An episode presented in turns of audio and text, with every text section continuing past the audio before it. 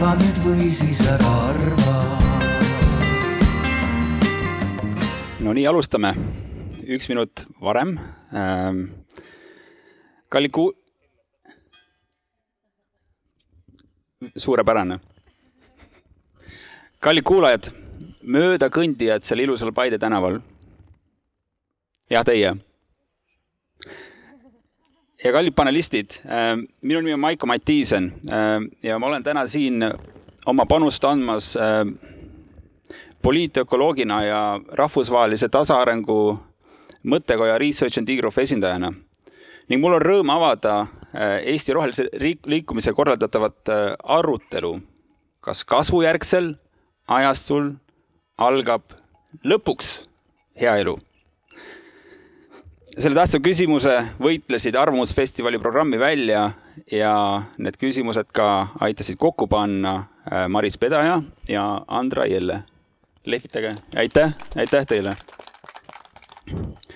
ma tervitan meiega liitunud paneliste, kes nõustusid äh, võib-olla südant rindu võttes äh, osalema diskussioonis, mis on meie, mis on kriitiline meie praeguse lõputule kasvule orienteeritud äh, ühiskonnakorralduse suhtes. Kai-Mai Kuldkepp, Rohetiigri omavalitsuste rohenügija ja üks feministeeriumi eestvedajatest. tere Suzu Izmailova, äh, keskkonnaaktivist ja poliitik, ekspoliitik.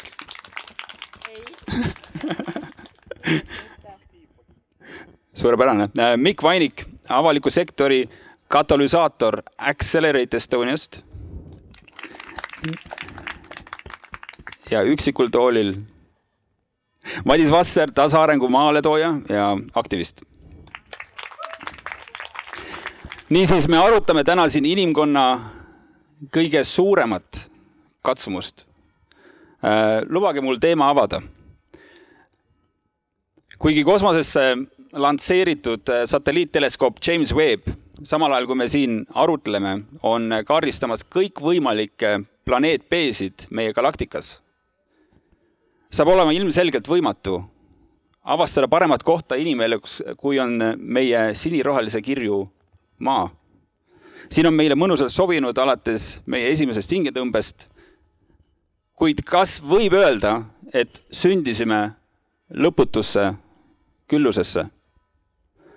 mõnikümmend aastat tagasi klassifitseeris äh, Herman Daly, äh, tuntud ökoloogiline ökonomist, meie planeedi suletud süsteemiks, millel on piiritletud biosfäär, kuhu mateeriat avakosmosest juurde ei kipu tulema.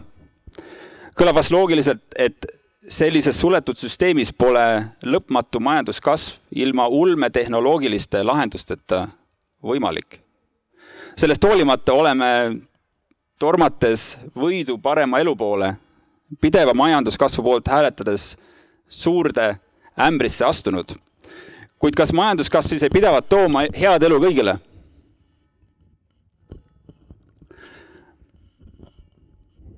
kahtlemata tänu viimasele suurele siirdele, tööstusrevolutsioonile on suurenenud meie liikumisvabadus. oleme masinate abil vabanenud enamikest majapidamistöödest ning äh, rikastunud oma toidulauda.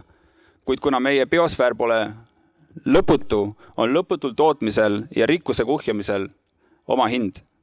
erinevad kliima- ja keskkonnaraportid, viidates näiteks kõrbestumisele, saastamisele, Covidile ja sotsiaalsele ebavõrdsuskriisile, hoiatavad meid hea elu lõpust ja kuna meil pole planeet B-d varnast võtta, siis oleme tahtmatult saabunud kasvujärgse ajastu algusesse. oleme saabunud järgmise suure siirde lävele, kus meie eesmärgiks on leida kesklik tasakaal inimkonna toimetamiste ja looduse vahel. ja järgmise pooleteist tunni või veidi rohkemagi jooksul või vähemagi jooksul uurime panelistide käest, kas kasvujärgses maailmas on siis lõpuks hea elu, milline see on kas üheks kasvumajanduse alternatiiviks võiks olla maailmas üha enam kõneainet äh, võitev tasaareng ning millised saavad olema järgmise suure siirdega kaasnevad hüved ja muudatused ühiskonnas? Publikule ka infoks, et meil on äh, plaanis teid diskussiooni kaasata. Äh, minu kallis kolleeg Andra hõljub teie vahel mikker käes ja võtab kolm, terve diskussiooni jooksul kolm jooksvat, kuid asjalikku, palun asjalikku küsimust. et kui teil läheb väga-väga tuliseks ja te tahate küsida, siis palun lehvitage Andrale. ja me teeme vahepeal ka ühe pausi küsimuste jaoks ja lõpupoole on ka. ah jaa, Andra on ka ajakohtunik Äh, kes annab kollaseid kaarte äh, panelistidele, kes, äh, kes kasutavad aega üle, kaasa arvatud mulle, kui ma lähen oma rollist välja.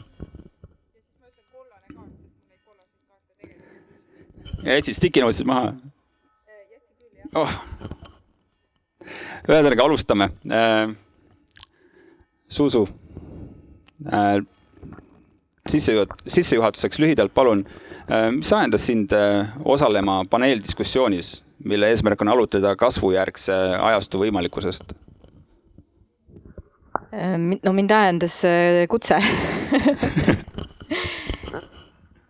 ja noh, nii lihtne see ongi, et me võime ju mõelda omavahel neid mõtteid ja, ja arutleda lõputult aga ikkagi mingi hetk äh, tahaks, et need asjad hakkaksid ka meie elu päriselt nagu mõjutama äh, siis äh, poliitilistes otsustes. ja täna me veel näeme seda vist natuke liiga vähe ja sellepärast me siin jälle räägimegi, aga kui me ei räägi, siis ka ei juhtu midagi, nii et niisama pealt vaadata ei saa et ühesõnaga sinu ootus on, et täna jõuame natukene ka mingisuguste lahenduste ideekesteni? Nendeni võiks alati jõuda hea küll, aitäh. Mikk, äh, sinu kogemus Accelerate Estoniaga, äh, et kas sa oled märganud ka signaalikesi avaliku sektori projektide kiirendajana, et äh, samamoodi kasvu poole pürgides enam edasi ei saa? ja loomulikult, aga siia tõi mind just see näiline või reaalne sihuke paradoks, et mina, kes ma oma töös majandusarengu osakonnas vastutan Eesti majandusarengu kiirendamise eest, et see võiks olla justkui nagu antitees tasakaalule, eks me siin pooleteist tunni jooksul näeme, et millised on, on ühisosad. loomulikult on selliseid signaale ja neid on pidevalt ja neid on palju ja see mind tegelikult minu tänase töö juurde viiski, et majanduskasv, majandusareng Äh, natuke lonkab, äh, siiamaani lonkab äh, ja võib-olla lonkab ka tulevikus, kui tuleb jutuks majandusarengu rakendamine meie nagu heaolu jaoks nagu natuke tõsisemas tähenduses kui lihtsalt skp numbrid. aitäh ja me võime mõelda selle peale ju, et meil on vahvad laiad neljarealised teed Äh, mis tõid meid kõiki siia Paidesse, nii Tartust kui ka Tallinnast. Äh, meie kinnisvaraportfellid Eestis äh, mõne meie jaoks ei mahu enam Eesti riiki ära ja varsti saab Pärnust kiirrongiga, kiirema rongiga otse, otse Kesk-Euroopasse. Kai Mai, mul on sulle küsimus, et kas elu, hea elu pole siis meile, eestlastele, veel saabunud ja kui ei, siis mida, kui palju ja kellel on puudu? Jah, ma arvan, et äh, sihuke asi nagu keskmine eestlane või, või kasvõi see, et, et meie siin, kes me oleme üsna sarnased, et, et see on äh, äh, väga keeruline näitaja, mille järgi otsustada, et kellel on hea ja kellel ei ole. et ma arvan, et seda äh, esmalt peaks vaatama nende järgi, kellel on ühiskonnas juba vähem, et kellel on vähem õigusi, kellel on vähem ressursse. ja Eestis on see ebavõrdsus üsna suur, et äh, meil kõigil ei ole sarnased võimalused. ja kui me hakkaksime äh, vaatama nende inimeste järgi, kellel täna võib-olla on mm, vähem vabadust oma aja üle otsustada, kellel on madalamad sissetulekud, kes elavad äh, vaesuspiiril või allapoole seda, et äh, ma arvan, et nemad ei, ei kirjeldaks oma äh, elu sama heana kui võib-olla meie siin, kellel meil on aega, et mõelda ja arutleda ja üldse küsida neid küsimusi et äh, kui küsida nüüd keskmise eestlase kohta või et kas Eestis on see hea elu kohal, et siis ma arvan, et, äh, et meil kindlasti on tohutult hästi, et maailmas üleüldse pole olnud kunagi nii hästi, kui täna on. aga sellele vaatamata mina ei julge kunagi öelda kõige paremate või kasvõi keskmiste järgi, ma tahaksin, et me võtaksime mõõdupuu nende järgi, kes, kellel on vähem ja kes oleks vaja järgi aidata. mis on neil puudu, kellel on palju ja kes, kellel on vaja tormata? Mis on neil puudu?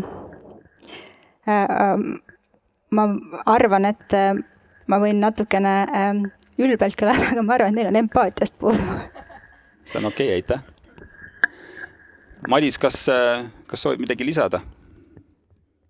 selles osas, et äh, mida, kui palju ja kellel on puudu, kuidas sa näed? hea küsimus mm,. ma mõtlesin, mul tuleb hoopis teine küsimus, ma olin kuidagi valmis hoopis mujalt kuskilt alustama ähm, ja ma võtan sellest sõnasabast kinni, et tõesti äh, nagu sa ütlesid, ma olen siis, sa ütlesid, ma olen tasaarengu maaletooja, ma arvan, et ma olen sõnumitooja.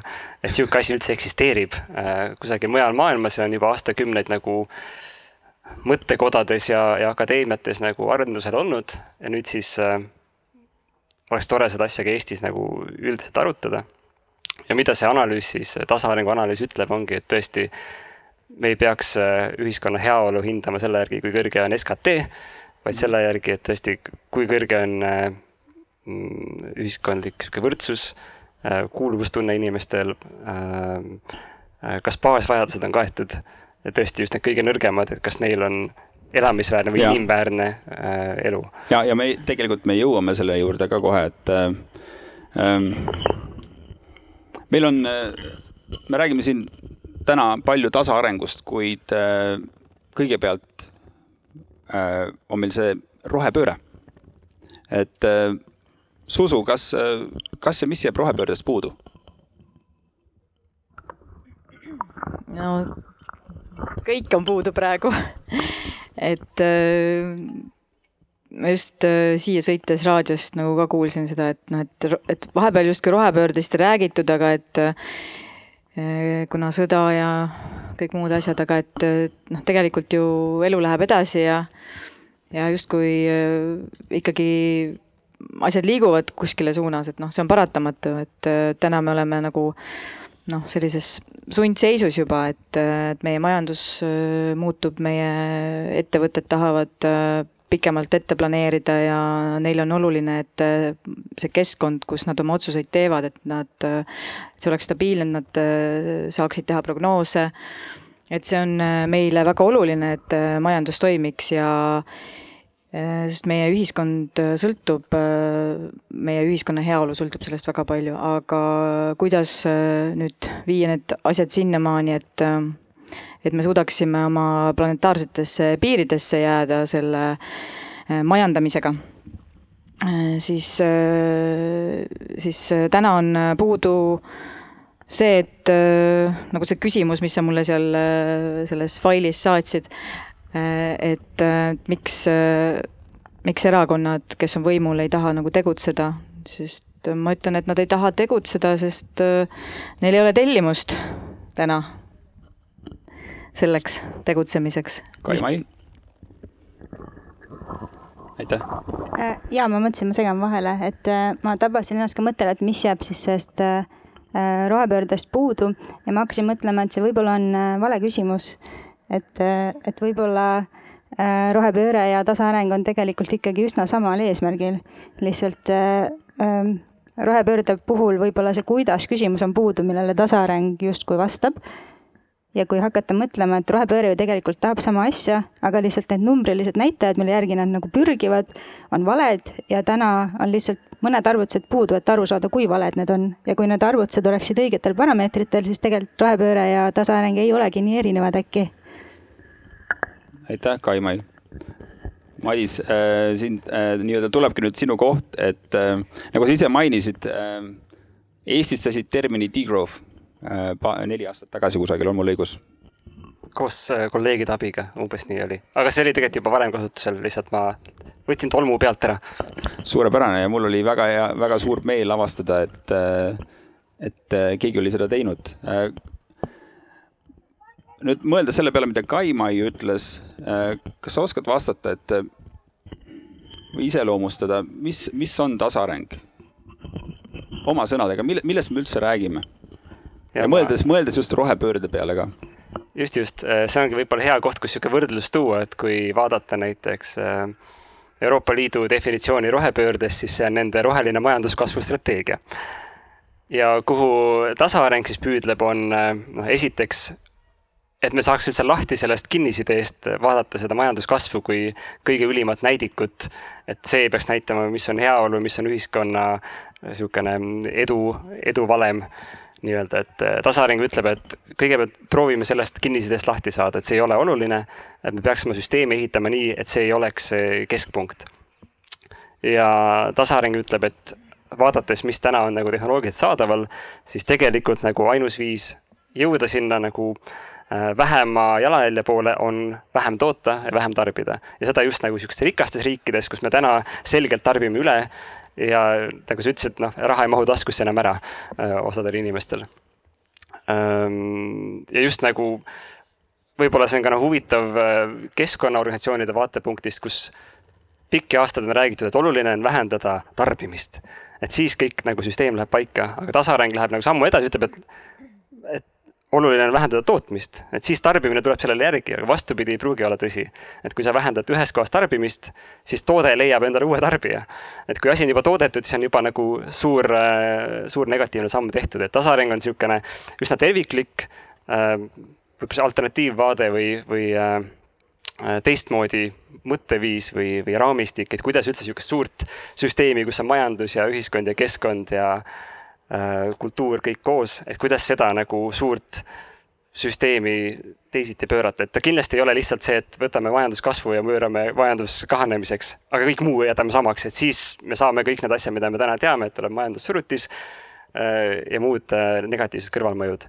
et ta on niisugune suur, väga pikalt ja keeruliselt uuritud komplekt millest siis nagu võiks ühest otsast alustada juba sellega, et me teadvustame, et niisugune asi on üldse olemas. et sellepärast ka see eestikeelne nimi, ehm, mis siis Miku eh, kommentaarist algsest kinni haarates ei ole mitte tasakasv, vaid on tasaareng. et juba see, noh, et kuidas me saame üle sellest, et sõna kasv ei pea olema sees kõiges.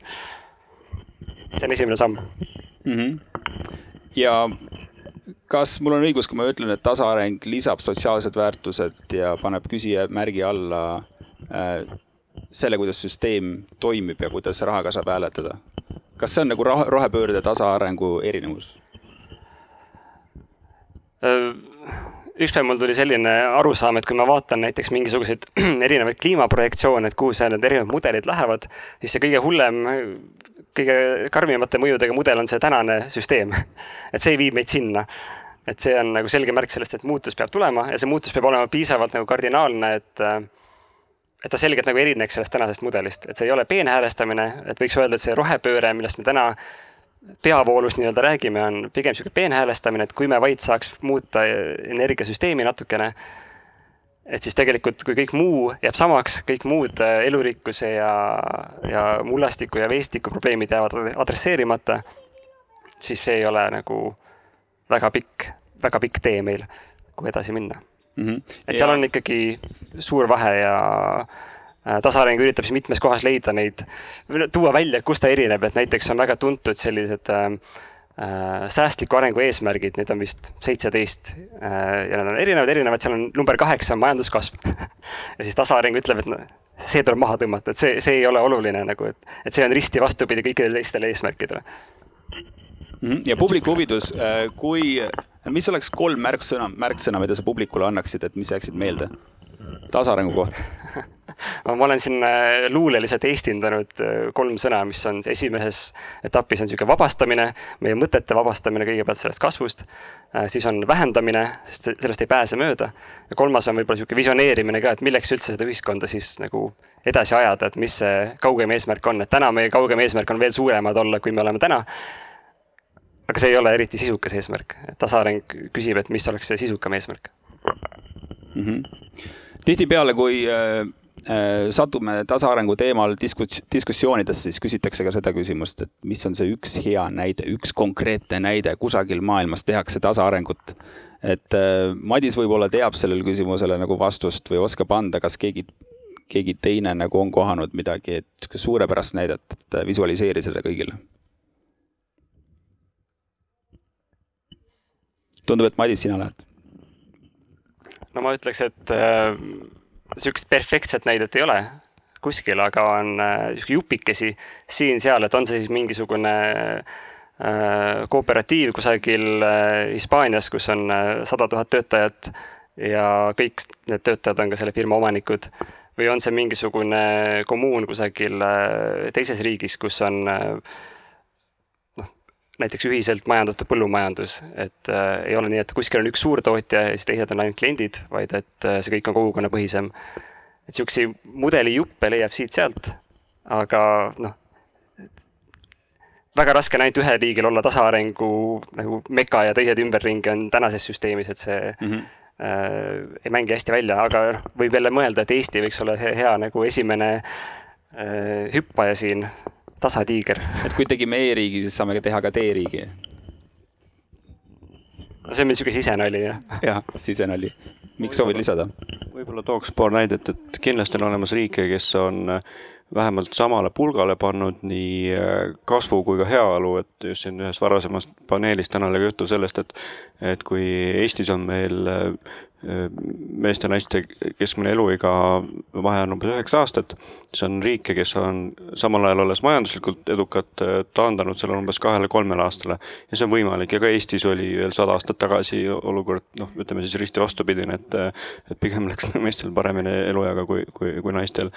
Ehk siis see on, on võimalik seda nii-öelda prioritiseerida, olgu siis riikliku või kogukondliku nagu praktika kaudu. Ja võib-olla see kogukondlik praktika on nagu teine oluline näide, et äh, numbriliselt kohe äh, ei oska kahte tabelit omavahel võrrelda, aga kui vaadata nagu õnnelikkuse indeksit riikide kaupa ja skp kaupa, siis äh, nii mõnigi suudab olla õnnelik äh, üsna vähesega ja, ja, ja neid isegi ma arvan, ei huvita nii väga, kus nad seal skp tabelis on. et nad kihitavad õlgu selle peale, et äh, me kogukondlikul tasemel oleme õnnelikud, meil on oma rollid teada ja nendest kui suurtest saastajatest me ei kuule ju mm. -hmm. aitäh see oli nüüd väikene selline hästi kiire tasaarengu seminar ja nüüd ma kontrollin publikust, elavdan teid natuke, palun andke pöidlaga märku.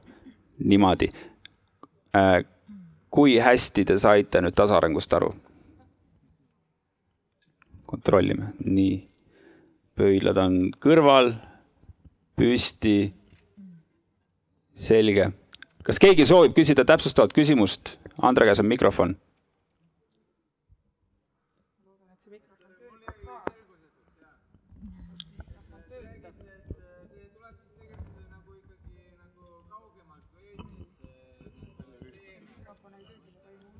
okei okay., küsimus härralt tagant reast on, et eh, kas see idee seeme, tasaareng, degrowth tuleb kaugemalt kui Eestist, sain ma nii aru?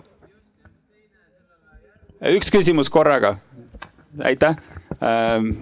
nii, nüüd töötab täitsa hästi, aitäh äh, Madis, laseme sinul vastata siis. kuulsin, kuulsin küsimust, vastan äh, lühidalt, sest ei taha ajalootundi minna, aga aga idee seeme, ma arvan, pärineb vist äh, algselt äh, Prantsusmaalt, kusagilt juba kaheksakümnendatest.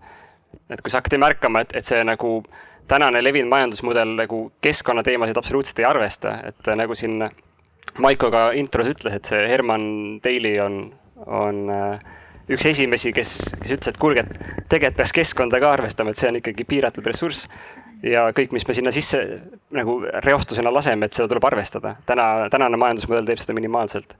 ja sealt on nagu mõttevool on edasi läinud Prantsusmaalt äh, äh, naaberriikidesse ja, ja Hispaanias on praegu niisugune suur võib-olla epitsenter just sihuke akadeemilise äh, uuringute osas.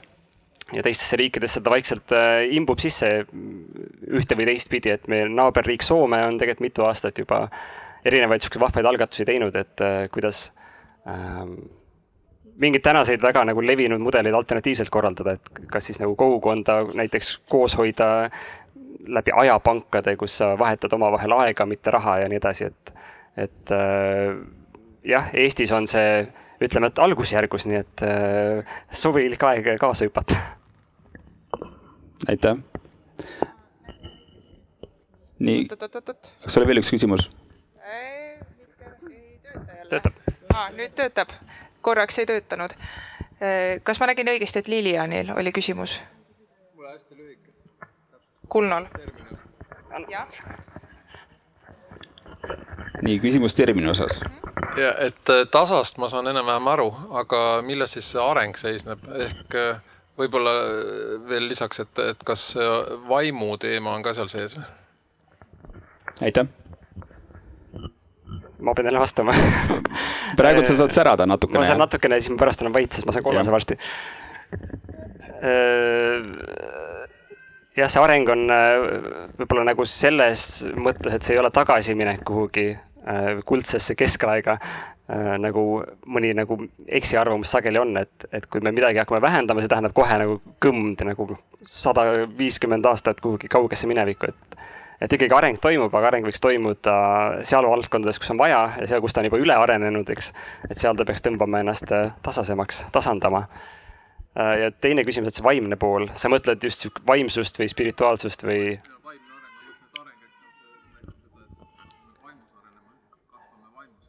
jah, et kas me kasvame vaimus äh, sageli nagu üks niisugune lause, stamplause, mida kasutatakse, on see, et, et tasaareng ei ole innovatsioonivastane, aga ta kutsub innoveerima hoopis teisi süsteeme, et kui ongi sotsiaalsed süsteemid, mõttesüsteemid on ju, kuidas me mingitest asjadest mõtleme.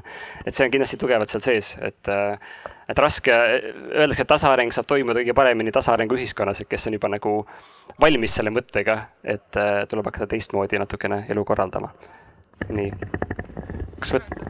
okei okay et arendada heaolu ja kõiki muid aspekte. nii, Lilian. üks pisike küsimus, et äh, kuna Kai, et just oli rohepööre ja tasaareng, et ähm, kas ma olen õieti aru saanud ma arvan, et ma olen õieti aru saanud, aga ma esitan siis provokatiivsema küsimuse ka, et tegelikult on ju suur vahe rohepöörde ja tasaarengu puhul ka see, et mida me teeme selle meeletu kapitali ja varaga, on ju, et ümberjaotamine ja jagamine on ju selle ühe protsendi suhtes, kes kulutab hulgaliselt rohkem ressursse, et see on ju kahe rohepöörde ja tasaarengu puhul ka kardinaalne erinevus. et rohepööre ju ei, tegelikult ei taotle vara ja kapitali ümberjagamist globaalses mõttes, vaid pigem noh, oletab, et rising tide lifts all the boats on ju, et kõik, kõik saavad sellest kasu, mis ei ole tegelikult ju statistiliselt tõestatud.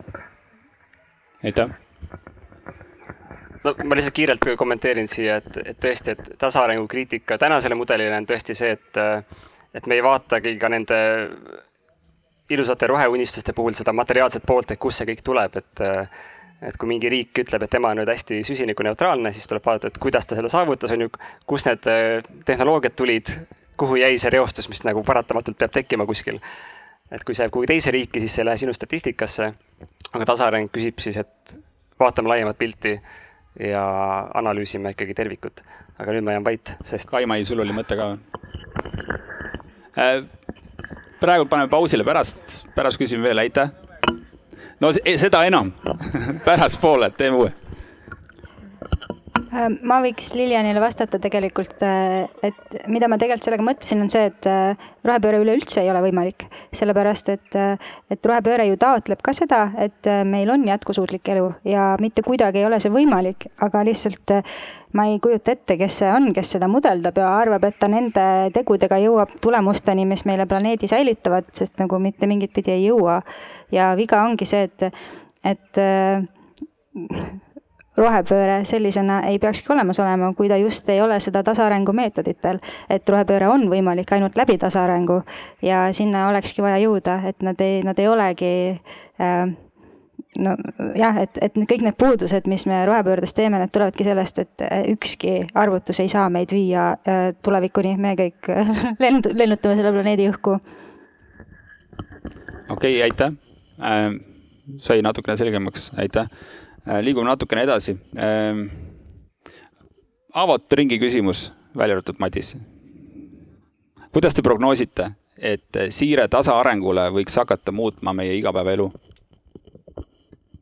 nii nagu teie olete sellest aru saanud, mõistnud. kas selle tulemusel läheb elu halvemaks või paremaks?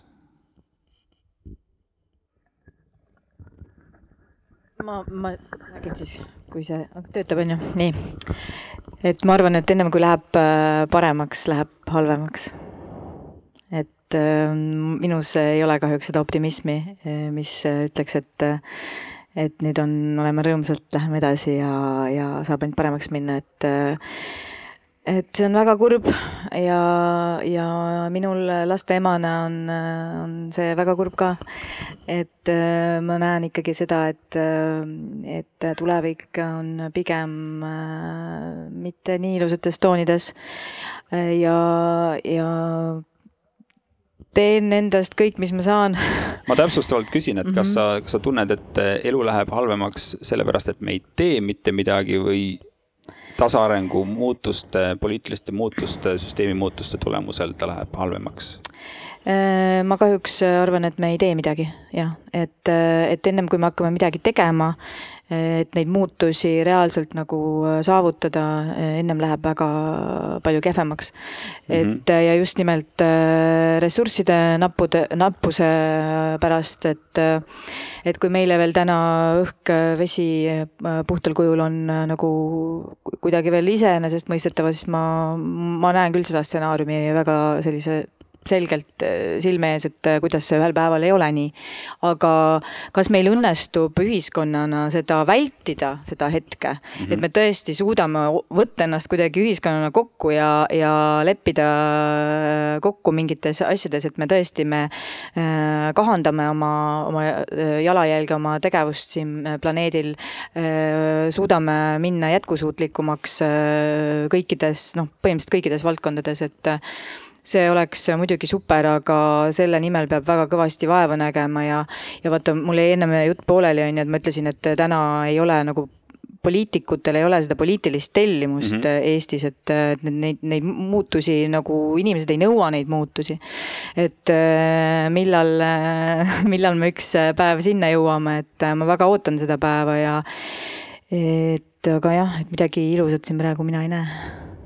selge, aitäh Kaimai, kas sa soovisid midagi lisada? jah, ma vist olen äh, jälle sihuke äh, natuke naiivne optimist. Äh, mina tegelikult, kui ma üldse mõtlen sellele muutusele, et esiteks muutus saab olla nii halvemaks kui paremaks ja, ja muutus üleüldse on hirmutav meile seepärast, et me eeldame, et see läheb alati halvemaks ja kõik muutused üldse tulevad nagu väga-väga raskelt. ja minu jaoks see et äh, mis siis meil muutub, kui me nagu hakkame rohkem äh, tasaarengu tõekspidamiste järgi elama. et äh, ma arvan, et mitte väga palju võrreldes sellega, mis muutuks siis, kui me midagi ei tee. et need muutused, mis on vajalikud, need paratamatult tulevad valuliselt, aga mulle tundub, et kui me hakkame mingeid ma ei tea, alternatiivkulusid sisse arvestama, siis me näeme, et äh, absoluutselt iga muu võimalik teekond oleks palju valulikum. ja et meil on äh, kuidagi äh, oleks meil ainult võimalik äh, need kõik ühte selgesse graafikusse panna ja, ja nagu äh, selgelt visualiseerida, siis oleks väga-väga äh, lihtne neid äh, äh, väikesi valusaid muutuseid tasaarengu suunas teha, seepärast et kõik muu on paratamatult kindlasti valulikum mm. -hmm. lisaks, et valus saab kindlasti olema ja see on alati olnud nagu sihuke innovatsioonitõugete aluseks, et on valus, on pakiline probleem, on juba käest ära läinud, siis hakkavad äh, asjad muutuma, et tänagi me siin saame rääkida tasaarengust ilusa mõnusa päiksega, sellepärast meil on baasvajadused kaetud. meil ei ole valus, me saame mõelda, milline on meie eneseteostuse osa meie elust ja me saame mõelda, kas see on äh, tasaareng või see on kiire majanduskasvu areng või mis iganes, mis iganes see on. Äh, niipea, kui äh, planeet Maa teatab meile, et sinu baas nii-öelda tingimuste leping on lõpetatud, sest sa rikkusid lepingu tingimusi siis hakkab väga valus.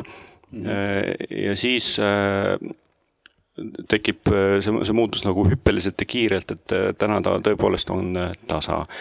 teine mõte veel siia juurde, et tegelikult selles ei ole midagi uut, et ühiskonnad, kelle majanduse areng või kasv on olnud meeletult kiire, kui ma olen nüüd viimase kaheksa aasta jooksul sügavalt vaadanud erinevaid innovatsioonisüsteeme, siis Äh, alati on aluseks äh, tugev teadus- ja tehnoloogiavõimekus, äh, aga kõige edukamad on need, kellel on olnud pakiline vajadus, surmahirm, et kui ma ei panusta sellesse, siis, siis mind, ma ei tea, riigina, rahvusena enam ei eksisteeri.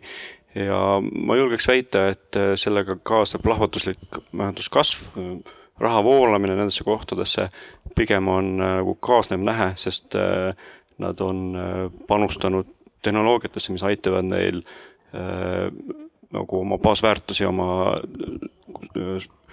kuulumissoovi ja siukseid asju on, suutnud nagu need stressid ära maandada ja alles siis on võimalik hakata võib-olla mõtlema äh, selle peale, et kuhu me ühiskonnana jõuda tahame äh, ja jah, need on nagu paar okay. mõtet, mis mul selle juures tekkisid. aitäh, äh, Madi-, Madis, küsimus sulle.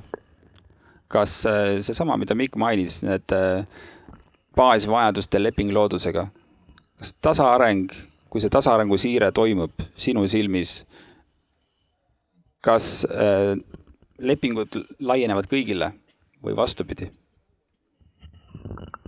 Sa mõtled ühiskonnas? baasvajaduste lepingud, jah.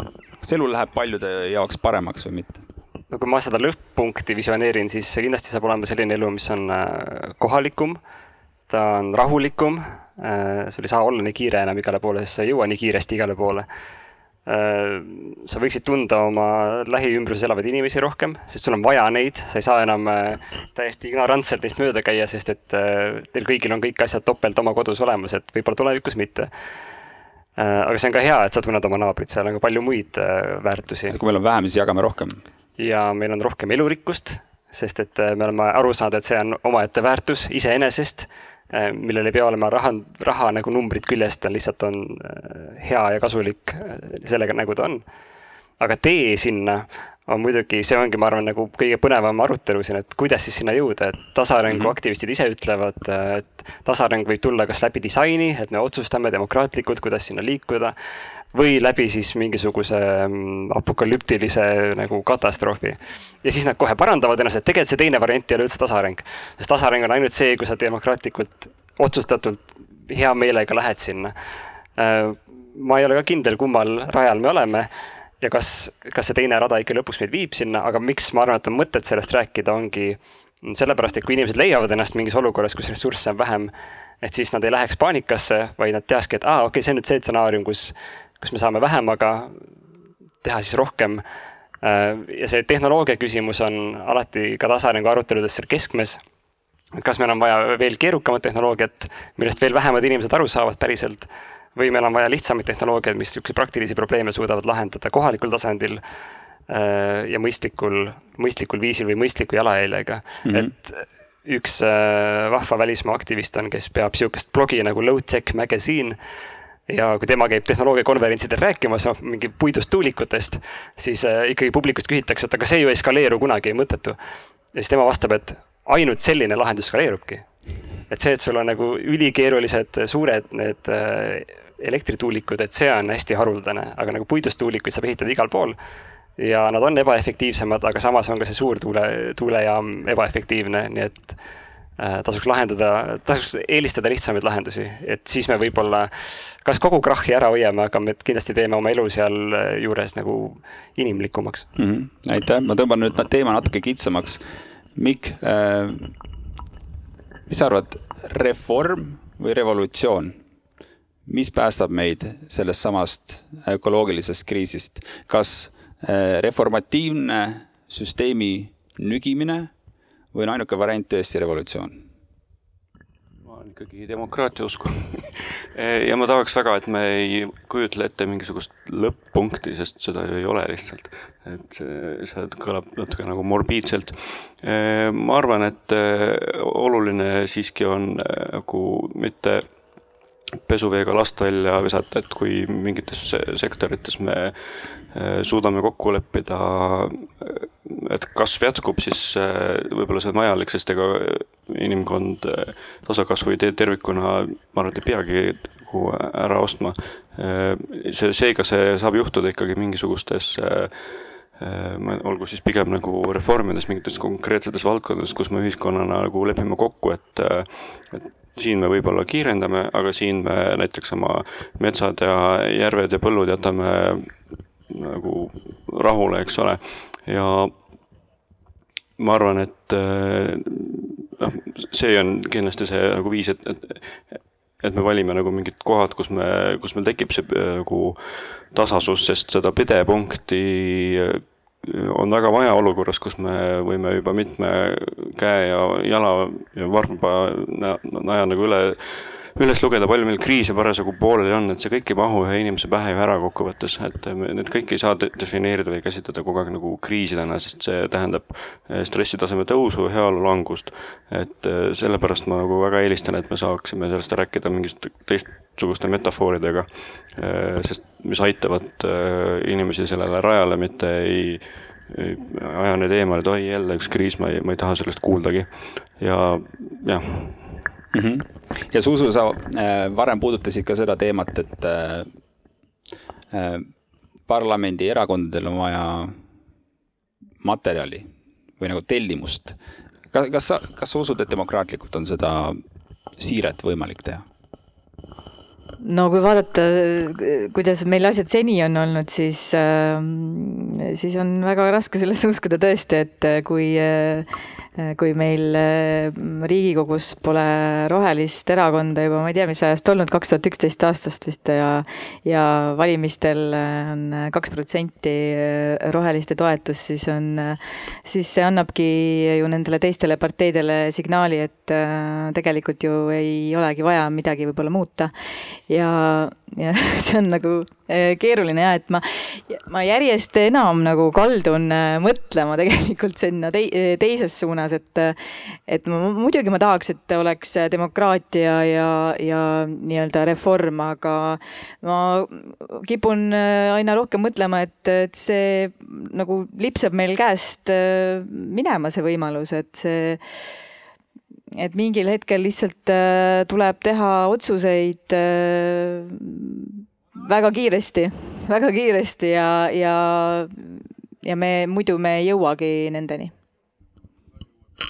kas see võib olla sellepärast, et demokraatia ei toimi või demokraatia lihtsalt ei ole loodud selleks üleminekuks? no me täna näeme, et äh, demokraatlikus äh, ühiskonnas on põhimõtteliselt äh, võimalik ministreid siis saada oma kohtadele läbi siis erakonna, erakonda toetades või, või konkreetseid inimesi toetades, et kus siis põhimõtteliselt ärimehed ostavad omale ministreid ja otsuseid mm, -hmm. et noh, kas ta siis toimib, ma arvan, et seda demokraatiat saaks kindlasti parandada. selle jaoks on omaette sõna olemas, plutokraatia. nojah, mis iganes, et, et aga täna me sellises olukorras oleme jah, et ma hea meelega arutleksin sellel teemal pikemalt, et kuidas saaks muuta näiteks Eesti valimissüsteemi de demokraatlikumaks. aga see on er eraldi teema. soovib keegi arutada sellel teemal? Et äh, näiteks äh, ma lihtsalt äh, remargi korras, et täna on ju tulemas ka parlamendierakondade esimeeste debatt ja me oleme Arvamusfestivalil mm, -hmm. kus tegelikult ju Arvamusfestival võiks olla nagu teeraja ja, ja pioneer selles mõttes, et eh, kutsuda kõiki erakondi kaasa rääkima, eriti veel tänasel sellisel väga keerulisel ajal. aga kahjuks on, on ka sellel platsil seal üleval mitmeid erakondi täna puudu. jah, aitäh. Madis, kas sa soovid või Kaimai? Soovisid äh, midagi lisada? Äh, tegelikult sina juba mainisid selle ära, et, et me räägime otsedemokraatiast, äh, siis on, on erinevaid viise demokraatiat teha, et mm -hmm. see ei pruugi tähendada kohe, et demokraatia ei toimi, vaid et me peaksime leidma päriselt toimiva kaasavat demokraatia ja siin just mainiti, et see, selle kohta on väga põnev arutelu juba olnud, mis tasub järel kuulata. okei okay,, aitäh ma siis täiendaks nii palju, et tavaliselt siuksed suured siirded võtavad sajandeid, aga meil ei ole sajandeid. meil on võib-olla paarkümmend aastat sihukest või veel sihukest stabiilset korda, kus üldse midagi organiseerida, enne kui asi läheb täielikuks äh, lappamiseks. ja ma arvan, et tasaarengu sihuke üleminek saab olema sihukene ta toimub natuke igal tasandil, et kõigepealt on sul mingisugused äh, rohujuuri algatused, et mingi kogukond lihtsalt lööb lahku ülejäänud süsteemi, ütleb, me teeme teistmoodi, ärge segage meid lihtsalt. Äh, võib-olla mõni maakond eraldub Eestist, ütleb, et kuulge, teil on ikka täiesti hullumeelne noh, majanduskasvu strateegia, me proovime teistmoodi.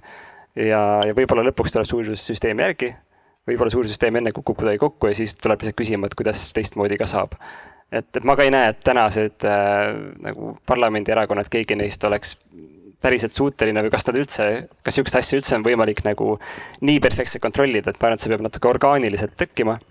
tänane arutelu on ka siin nagu üks jälle mingi seeme kuskile mulda, et keegi äkki kuuleb esimest korda sihukest sõna nagu tasaareng, läheb, loeb natuke, vaatab, et oh, ongi huvitav. ja üritab mingit juppi sellest kuskil juurutada mm. -hmm aga alati tasub jah silmas pidada, et tegelikult ajaliselt on väga kiire, et seitsmekümnendatel oleks me alustanud, oleks väga hea praegu, väga mõnus, rahulikult saaks teha.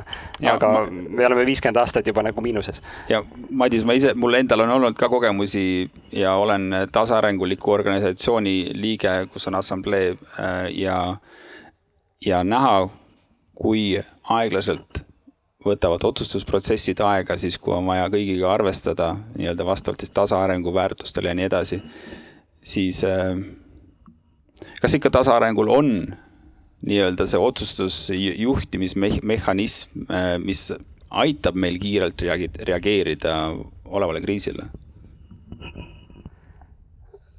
ma arvan, et siin välised mõjurid hakkavad kõvasti nagu sellele kaasa aitama, et kui me räägime koroonakriisist, siis see näitas väga hästi ära, et asjad, mis olid nädal aega varem olid võimatud, tehti järsku ära, et, et mm -hmm. kui nädal aega enne Eesti seda mingit koroonakriisi väljakuulutamist keegi oleks öelnud, et me ei lenda eriti kuskile enam, siis kõik on mingit jabur, seda ei saa juhtuda, on ju.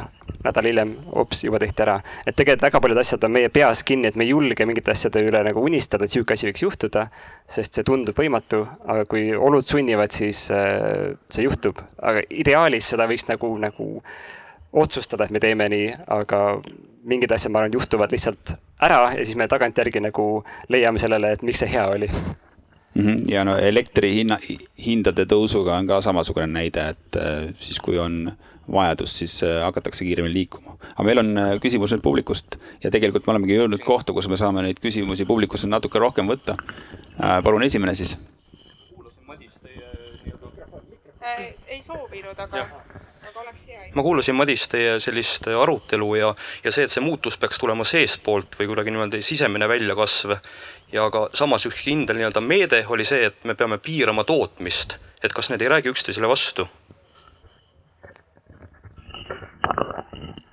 no ideaalis tootja sisemiselt kasvab ja, ja saab aru, et ta ei pea nii palju tootma. aga jah, mingisugused nagu piirangud peale panna, seal on hea näide on äh, niisugune tagasipõrkeefekt, äh, mida võib tuua erinevatest valdkondadest. üks on näiteks see, et äh, kui sa ostad auto, mis on nüüd nagu energiaefektiivsem või kütuseefektiivsem, siis sa lõpuks sõidad rohkem sest et sul ei ole seda piirangut peal, et palju sa üldse lõpuks sõita tohid. et see on jällegi asi, mida me täna ei ole harjunud isegi mõtlema, et kuidas, kuidas on üldse võimalik millelegi panna piir peale. aga kui me seda ei tee, siis iga see innovatsioon, mis me teeme, see uuendus efektiivsuses lõpuks teeb karuteene et selles mõttes, see on jällegi niisugune mõnes mõttes radikaalne mõttemuutus, et, et peame arvestama sellega, et, et meil on kõigil tegelikult eelarve. kas areng tekib läbi defitsiidi? no selles mõttes jah, et sa ei saa tarbida seda, mida ei ole toodetud, et seal on nagu see loogika. järgmine küsimus. ja äh,, Madis, kui sa kirjeldasid seda, et ku, mis see nagu tasaarengu see lõppfaas on, on ju äh,, siis äh, esimene mõte, mis mul tekkis, et aa ah,, Amishid et, et kas ma, kas ma panin nagu täiesti mööda äh, või siis nagu väga põnev oleks tegelikult veel nagu aru saada, et kus see nagu teie nägemuses on ju, noh, milline see ühiskond on, et äh, noh, sa enne mainisid ka on ju, et teeme puu, puidust tuulikud on ju, et, et see tähendabki nagu mingi low-tech või ühesõnaga, et kas see Amishite ühiskond on nagu see sinnapoole või, või see on nagu täiesti mööda? No kui küsida nagu nendelt akadeemikutelt, siis nemad ju arvutavad välja, et okei okay,, mis on planeedi nagu kandevõime või nagu ressursside mõistlik kasutamise piir ja nemad tavaliselt jõuavad selleni, et no et see elukvaliteet läheb siis võib-olla Euroopas sihukest tuhat üheksasada kuuskümmend, seitsekümmend tasemele. Äh, no materiaalses mõttes, et see ei olnud nagu halb elu, aga see kindlasti ei olnud ka Amishi elu, aga see ei olnud kindlasti ka siuksed nagu seinasuurused telekad, nagu meil täna on. et seal on see kuskil piir ja see tegelikult ongi demokraatlik otsus, et mis see on meile, mis meile tundub, et on mõistlik nagu elu tase, et, et seda kõigile garanteerida. nagu ütlevad tasaarendajad, et, et me soovime elada lihtsalt, et teised saaks lihtsalt elada mm. -hmm. ja meil on veel üks küsimus. tere, ma olen Hardi, ma olen Kesk-Euroopa Ülikooli poliitökonoomia doktorant ja, ja Euroopa Komisjoni ametnik, aga kõik seisukohad, mida ma esindan, on ainult minu isiklikud, nii et kui see disclaimer on öeldud, siis ma esiteks kommenteeriks seda, et väga huvitav paneel on, aga minu esimene mõte on see, et kõlab natuke nagu kõlakojana, te olete väga ühel arvamusel kõikides sellistes küsimustes, et ma mõtlen, et kui Maiko, kui sa teinekord siukseid paneele organiseerid, siis oleks väga hea, kui sa kutsuksid ka näiteks mõne klassikalise majandusteadlase siia rääkima, kellel oleks teistsugune seisukoht, siis tekiks palju võib-olla selline provokatiivsem debatt. ja selle punkti pealt ma läheks ise viskaks kohe ridamisi mõtteid selle peale, selle peale õhku, sest et äh, ma kuulan seda ja niimoodi, kui ma vaatan seda, siis mul on niisugune tunne, et väga palju selliseid vale kontseptsioone või vale arusaama on sellest, mis asi on majanduskasv. esiteks, majanduskasv ei pea tähendama seda, et me võtame kaevandusest rohkem asju, paneme need sellesse Maiko arvutisse ja siis, kui ta seda enam ei kasuta, siis ta viskab selle ära ja järgmine aasta me teeme seda topelt rohkem, et see ei ole see, mis ilmtingimata on selles sisemajanduse kogutoodangus, mida me mõõdame. et saab äh, ka teha selliselt, et sa taaskasutad materjale või sa kasutad vähem materjale sama asja, sama asja tegemiseks. ja järgmine punkt, mida ma tahaks sellest rääkida, on see, et ligi pool sellest sisemajanduse kogutoodangust, mis enam kasvama peaks, on haridus, tervishoid, sotsiaalhoonekanne, sellised asjad, riigikaitse. et äh, need baasvajadused on olulised meie jaoks ja kui need ei kasva, siis noh, me praegu mõtleme, et kõik on okei okay,, aga kui teie, ma ei tea, lähedasel on näiteks vähiravimit vaja, siis kas selle jaoks on riigieelarves nähtud raha ette. ja me võime selle, selle koha peale seisma jätta, aga me siiski tahaksime paremaid asju, et see tundub kõik hästi senikaua, kuni teil on hambaarsti juurde vaja minna ja selleks ei ole neid vahendeid, et majanduskasv ei ole ainult rohkem laiu telekaid, vaid neid on väga palju erinevaid asju. ja selleks, et keegi oleks nõus see hambaarst olema, seda teenust teile pakkuda, ta tahab ta saada mingit raha, mille eest ta võib-olla tahab ka endale laiekraaniga telekat osta, et kahjuks kapitalistlikus ja kahjuks kapitalistlikus majanduses inimestel see, kuidas ma siis ütlen, enesehuvi on tihtipeale see, mis ajab neid taga asju tegema, teenuseid pakkuma, et kui me ei saa päris sellest lahti ka saada, et mingisugune tundide vahetamise teema, ma väga kahtlen, et see nagu inimest, inimloomuse aasta arvestades kunagi üldse tööle hakkab. siis järgmiseks, me elame maailmas, kus, kus kahjuks on inimesed, kes on väga halvad, ütleme siis niimoodi, et me näeme seda, kuidas Ukrainas käib genotsiid ja nii edasi. ja siis me võime kõik mõelda, et nad võiksid relvad maha panna, üksteist kalistada ja hakata tasaarenguga tegelema, aga, aga senikaua, kuni on sellised riigid nagu Venemaa näiteks olemas, siis meil peavad olema teisel pool olemas riigid, kes os osavad ka javeline toota ja demokraatiat kaitsta. ma ei näe, kuidas me tasaarenguga seda teha saaksime, see on ridamisi puudusi aitäh. aga äh, konkreetne küsimus ka. kuidas me neid probleeme siis lahendaksime, mida ma rääkisin, baasvajadused, kaitse, teised ühiskonnad kasvavad edasi, teevad rohkem asju, aitäh. suurepärane, meil on meil on provokaator siin ja väga väga, keda me täiesti ootasime. väga tervitatav, väga tervitatav, kes soovib äh, võtta kuuli? mina olen Hardiga väga paljuski nõus, et äh, tasaarengu kõrval nagu ma võib-olla enne, võib-olla piisavalt täpselt ei väljendanud, et mingites suundades meil igatahes on arengut ka edaspidi vaja. ma arvan, et tasaarengu potentsiaal peitub selles, et me suudame pikemaks perioodiks kui ainult mõned üksikud aastad või kuud kokku leppida, et mis valdkonnad me tasa, nagu rahule jätame.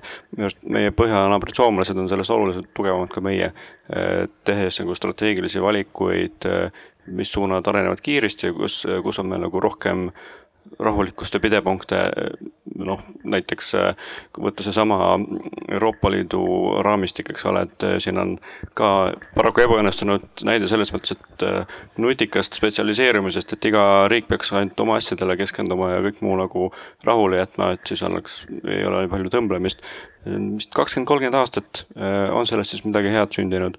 ei, sest alati ikkagi kleebitakse selle mõiste alla absoluutselt kõik, mis sinna nagu vähegi sobib ja siis veel natuke peale igaks juhuks.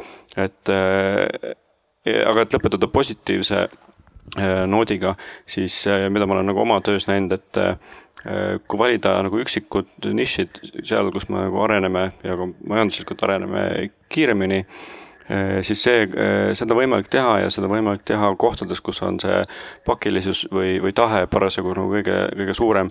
ja hetkel äh, Eesti ühiskonnas on küll viimastel aastatel nagu näha, et, et suuresti need teemad minu silmis keerlevad ümber hariduse, rohelise pöörde ja vaimse ja muidu tervisliku heaolu. et keskendume sinna ja ja muudes valdkondades on väga lihtne selle kõrval tasaarengut kui kontseptsiooni edasi arendada, katsetada, leida sellele suuremat kõlapinda.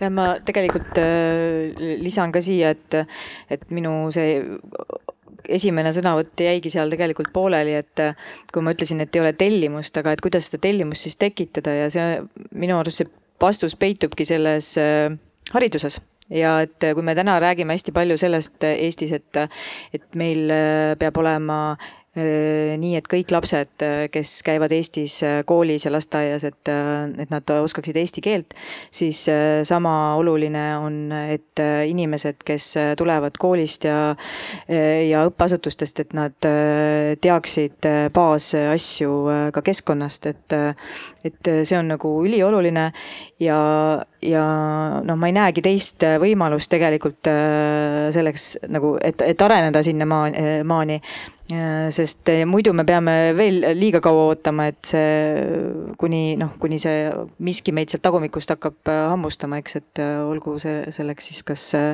uus järgmine pagulaskriis või, või mis iganes, et me peame tegelema mitmete asjadega korraga, samal ajal ja et me ei leiaks ennast kolmekümne aasta pärast jälle selle ees, et me, me pole tegelikult mitte midagi teinud ja ja haridus ja, ja meditsiin, meditsiini kättesaadavus on väga hea koht, mille pealt hinnata nagu seda reaalset arengut, et kui, kui kättesaadav see arstiabi on riigis ja kuivõrd hästi või kuivõrd haritud on inimesed. ja see haridus ju on tegelikult, võib olla ja sa ütle mulle, kui sa ei ole minuga nõus, muna või kana küsimus, et kumb oli ennem, et kas kas me kõigepealt teeme head haridust või siis me muudame seda, kuidas hariduse tegemist otsustatakse kõrgemal tasandil no täna me saame mõjutada äh, selles mõttes, et mõlemat, et äh, kui mina veel äh, koolis käisin, siis ma mäletan, kuidas õpikutes oli kirjas, et kuidas on põlevkivi meie au ja uhkuseks.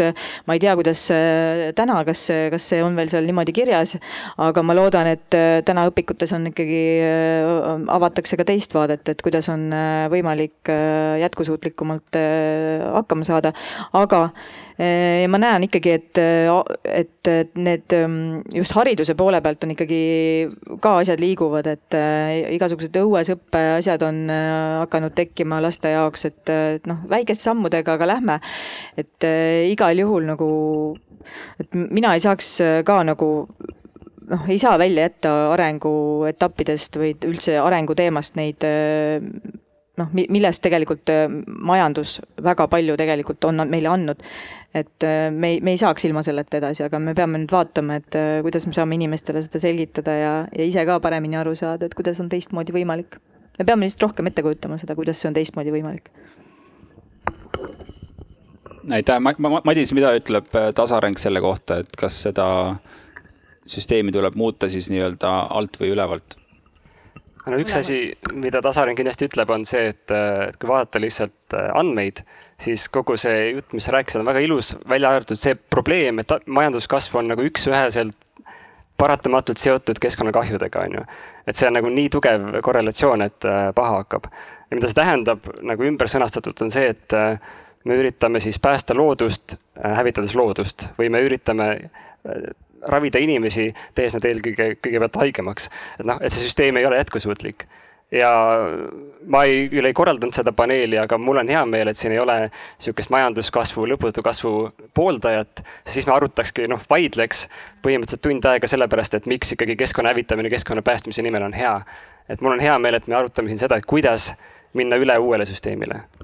Ja siin on muidugi haridus on ülioluline ja mida varasemalt sellega peale hakata, seda parem.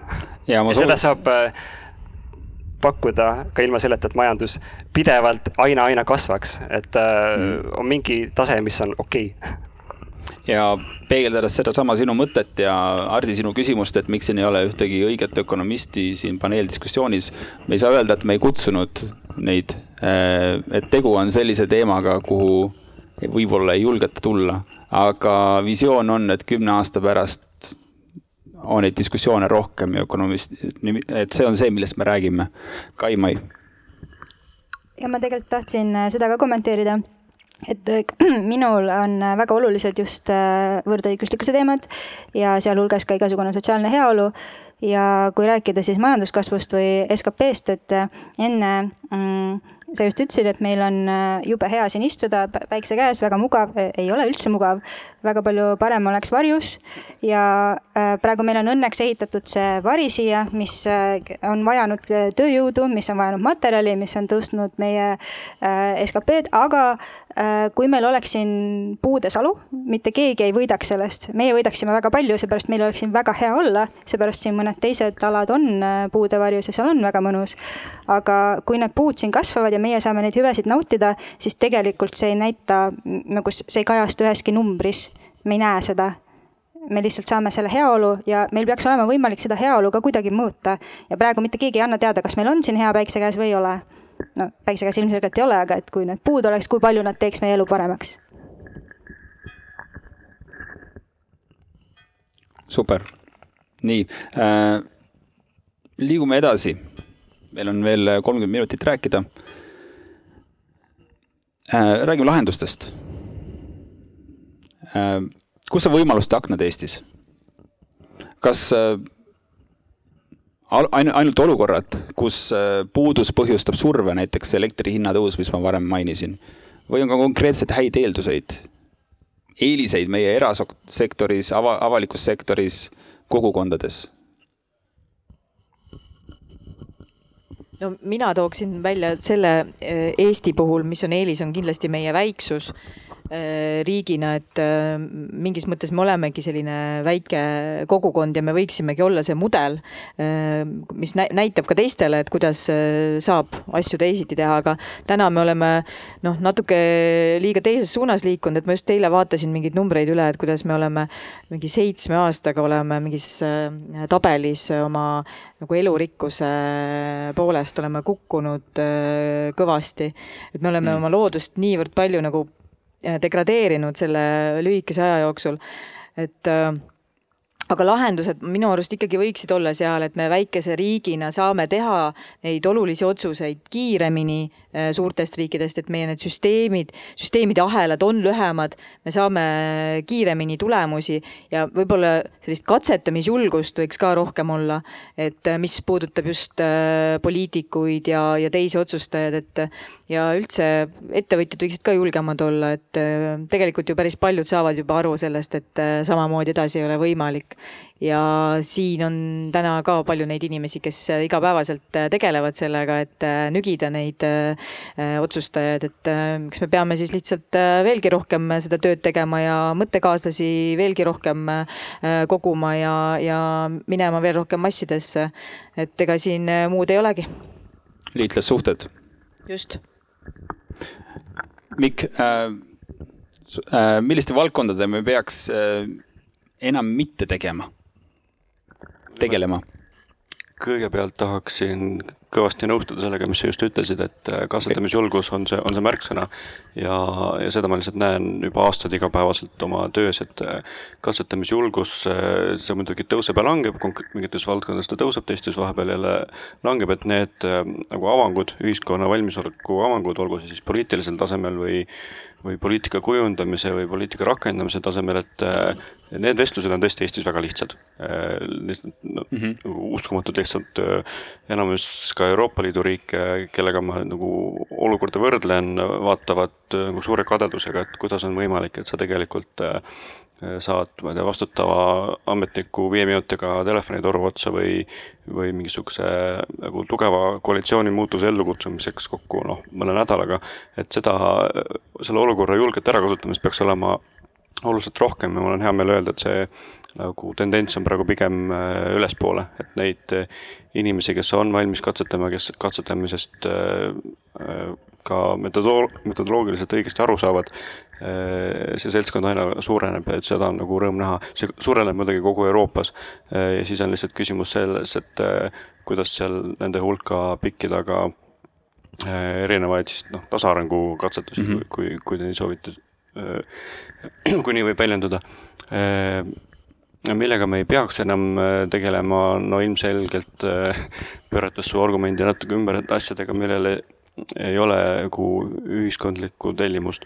näiteks meil ei ole ühiskondlikku tellimust äh, rajada Eestisse äh, seitse suurt paberi rafineerimistehast ja võib-olla Eesti ei peagi maailma paberiprobleemi ära lahendama, võib-olla me peame ära lahendama mingisugused probleemid hoopis nagu digitaalsfääris, sest selle jalajälg meie tegevustele okay, ei ole olematu, aga on kindlasti väiksem ja ta häirib meid rahvusena oluliselt vähem, ta ei, ta ei õõnesta meie baasprintsiipe, milles me nii-öelda piltlikult öeldes oleme rahvusena kokku leppinud Äh, mida veel ei peaks tegema.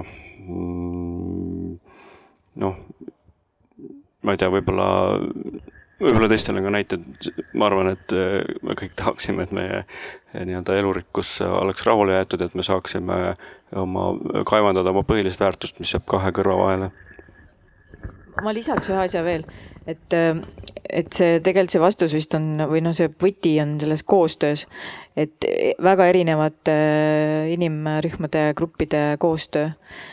Et ja mis me ei peaks tegema, võib-olla nii palju vastanduma üksteisele ja kaklema, et pigem otsida neid koostöökohti, sest no me, ma ei tea, rohepööre, ma saan aru, nüüd paha sõna, et seda ei tohi enam kasutada, aga et me ei saa neid asju teha, tehtud, kui me ei tee koostööd, sest me peame kõik tegema nagu koostööd selleks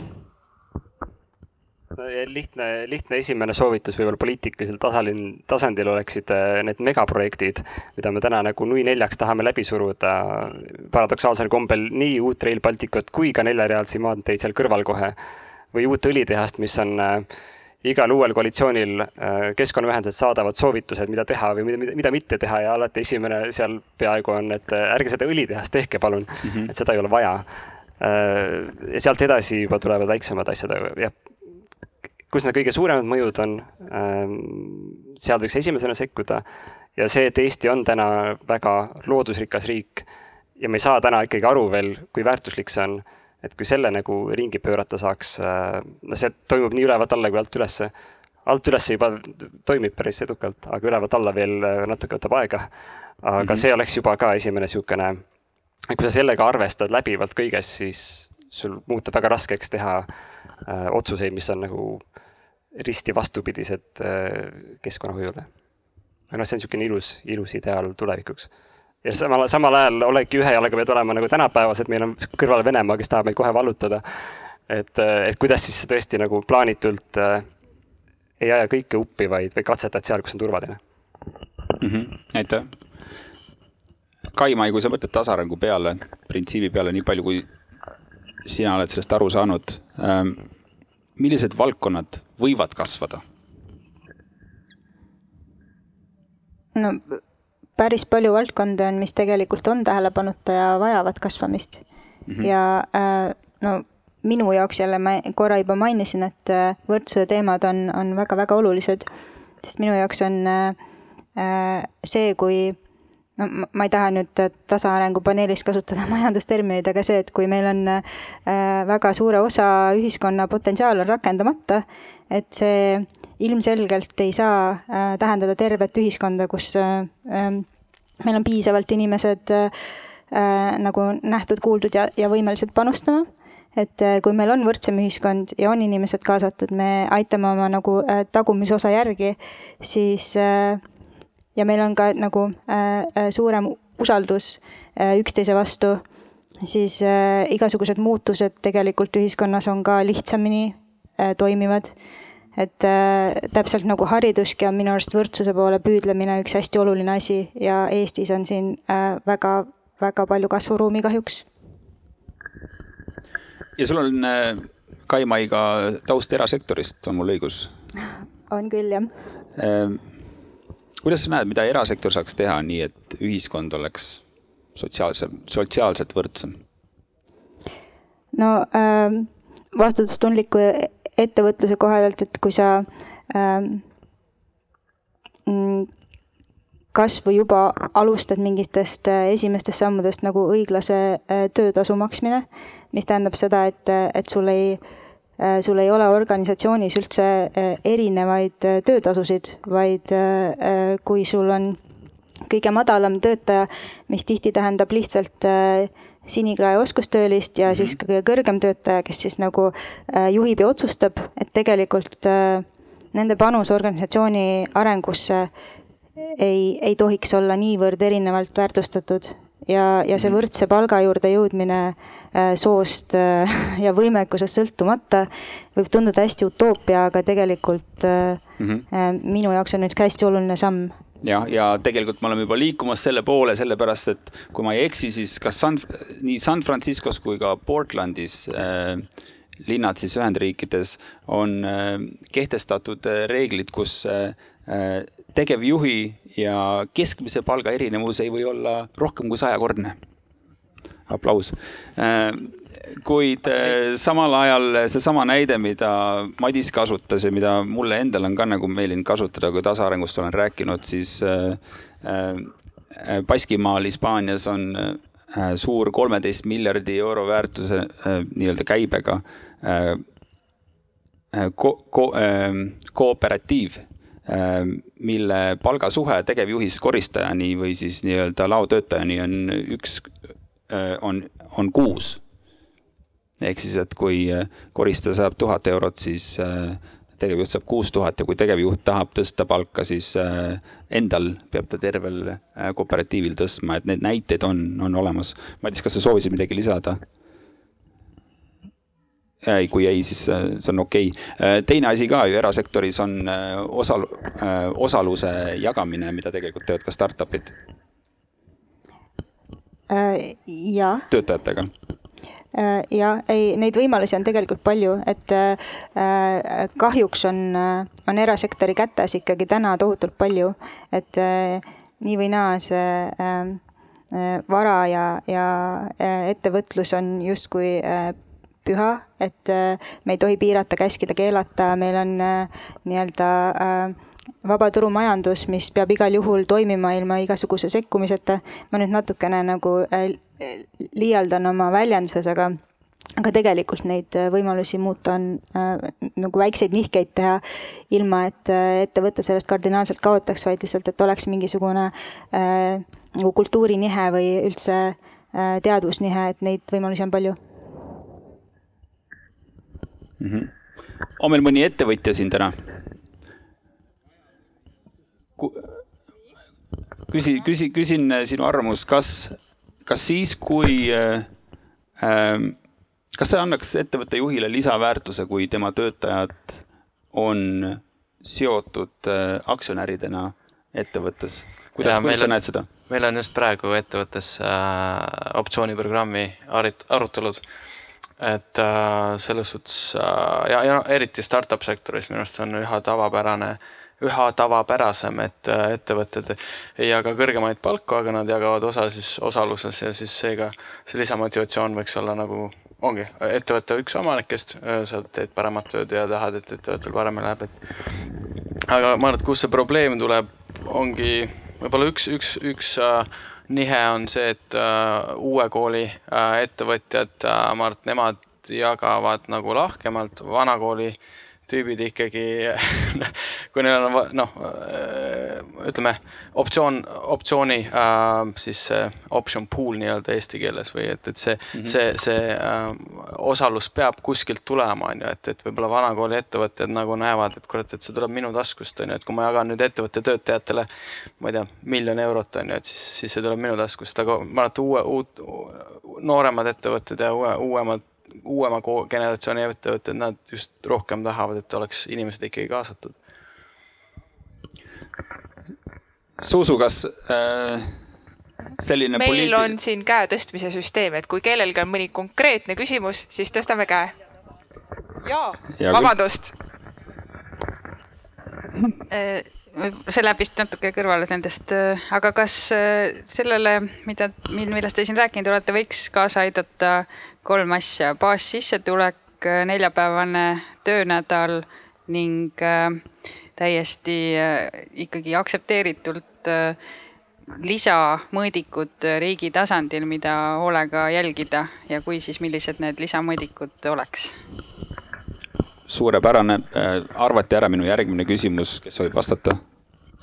No äh, baassissetuleku osas äh, ma ei oska niivõrd täpselt kommenteerida, sest ma tean, et äh, baassissetuleku sisseviimine ikkagi suurendab tarbimist, noh, vähemalt alguses kindlasti. aga samas ta loob väga palju eeliseid, et noh, siin on, ma ei tea, mis see valem täpselt on, eks, aga, aga lühendatud töönädal kindlasti aitab sellele kaasa, et me kulutaksime vähem ressursse ja saaksime ka rohkem aega panna muudele tegevustele, vaimsetele, vaimse väärtuse kasvatamiseks, et, et see on kindlasti teema ja mis see kolmas oli?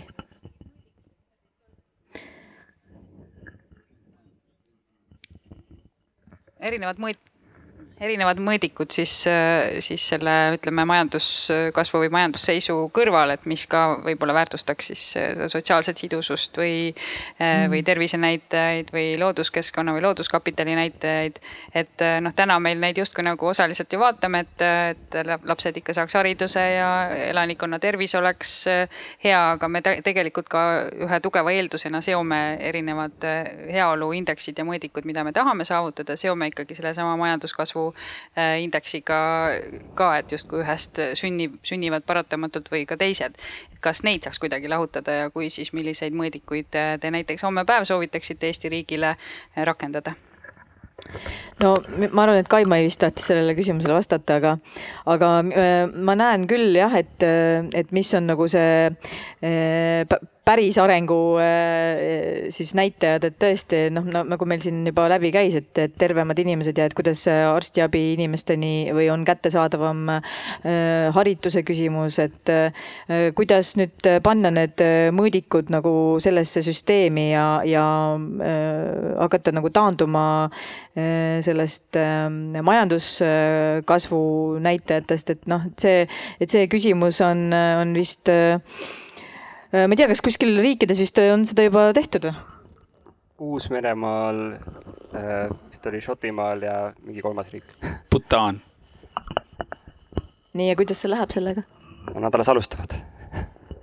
aga jah, nad on riiklikult öelnud, et me enam ei vaata, ei ole kinni ainult SKT-s ja on ka öeldud äh, jälle tasaarengu uurijate poolt, et et kui küsimus on, et kas SKT on ikkagi parem kui mitte midagi, siis nad ütlevad vastu, et ei, mitte midagi oleks parem kui, kui seda pagana SKT-d mõõta. Äh, ja baassissetuleku asemel ma olen kuulnud, et veel parem on baasteenused. et siis seda ei ole inimesel võimalik hordida.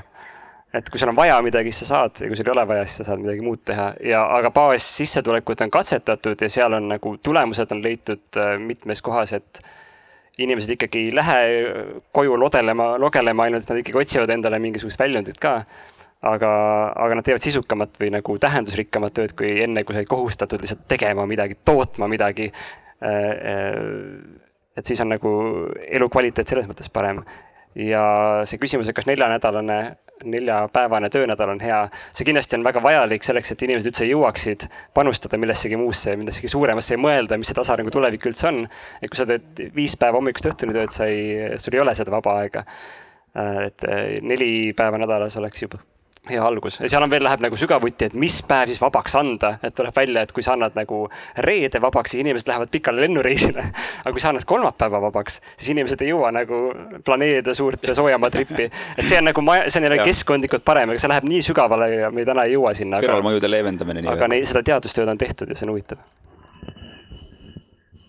ma täiendaks seda, äh, äh, baasteenused sa tõid välja, aga tegelikult ka äh, baasvajaduste tagamine et äh, sul ei pea olema raha, kui sa tegelikult ei peagi maksma oma üüri ja ei peagi muretsema oma teatud mingisuguse äh, kommunaalkulude pärast, vaid et sul on mingisugused mured õlgade pealt ära võetud ja see ka vabastab su aja nagu kasutada oma ajupotentsiaali millekski muuks. kas see pole kaks sama asja, baasteenused ja baasvajadused tagamised, tagamised, te räägite samast asjast, ma usun? aa, okei okay,, väga hea, väga hea Ja. ma korra veel viskan siis õli tulla, et aga te, te räägite ju siis sotsialismist sisuliselt tubli provokaator, nii, jah. oota, ma tahtsin veel seda lisada, et eh, olgu baassissetulek äh, või baasteenused äh, nende mõlema eest, nende mõlemaga kaasneb ikkagi mingisugune kulu, eks ole, kui baastasu, siis kuidagi peab see raha sinna riigieelarvesse saama, et see nagu ei, ei, ei ole lihtsalt nagu, ei tule õhust, eks ole, et te, teisipidi sellega on katsetatud ka nõnda, et näiteks Alaskas on vist see nagu selline fond, mis selle eest, et sealt kaevandatakse seda õli annab siis baassissetuleku kõigile Alaska elanikele, mis on mingi täiendav tuhat dollarit aastas või midagi sihukest, mis jällegi annab võimaluse mitte logeleda, vaid pigem nagu eneseteostusega tegeleda, näitab selle asja nagu kokkuvõtet. ma ei, ei arva, et me seda sama mudelit peaks Eestis rakendama, aga võib-olla see, mis, mida me saame oluliselt paremini väärindada, on ikkagi see, millest me juba oleme tugevad, ehk siis meie andmepõhine majandus, kõik need digiteenused ja kõik, mis on e, et seal on veel nii palju peidus, mida saab ilma meie ümbritsevat keskkonda kahjustamata ja pigem meie heaolu kasvatades paremini väärtustada ja sealt on võimalik igasuguseid baasteenuseid, baastasu palju lihtsam, point on selles, et see, see ei tule tasuta. okei okay., ja, ja Kaimar, oota korra, kas, kas keegi soovib oponeerida publikust või siis paneelis sellele, mida äh, Mikk mainis? Hardil oli näpp püsti, äh, see on päris palju. mõne, mõne, mõni uus inimene. viska äh, mikrofon üles, vaata, kas keegi ennem saab kätte. nii, tegelikult ma nägin siin enne kätt ja ma tahtsin ka ise teada, et kas see küsimusele anti vastus või kui ei antud, siis mis küsimused veel õhku jäid, mind väga huvitab lihtsalt tahtsin kommenteerida, et Mikk tõi väga hea asja näite, mida mitte teha, on, see on see Alaska näide, sest et siis hääletavad kõik inimesed selle poolt edasi, et loodust ja kliimat kahjustada, et see on õpiku näide, mida mitte teha, aitäh Mikk, oled nõus? veel küsimusi, asjakohaseid, jah? ja äh, küsimus selle baasteenuste kohta, et äh, ma elasin kunagi sihukeses linnas nagu Glasgow, seal on äh, kõik baasteenused on tasuta äh, linnaelanikele, pluss neil on mingisugune linna poolt mingisugune äh, baassissetulek ja mis seal on juhtunud äh, uh, alates kuuekümnendatest saadik, on see, et seal on sihuke mitte eraldi inimtüüp välja kujunenud, aga, aga seal on äh, juba teine või isegi kolmas generatsioon põlvkondi, kes äh, ei ole äh, üle kahe-kolme klassi koolis käinud. ja nende elu seisnebki selles, et nad saavad linnalt raha, panevad pidu selle eest, ostavad narkootikume, joovad ehk siis see, see ei ole kindlasti see, äh, kuhu need baasteenused äh, välja jõuda, aga mu küsimus ongi nagu see, et kuidas, mis te näete, kuidas, kuidas seda nagu saaks teha niimoodi, et selline asi ei juhtu. et need baas, baassissetulekud ei kuritarvita, et inimesed jäävadki logelema ja, ja ma ei tea, narkootikume tegema. mikrofon. et, et siis koolikohustus meil see õnneks äh, kehtib praegu, et aga see, kui inimene on äh, juba täisealine, siis ei saa tema otsuseid enam nagu niivõrd palju mõjutada, aga.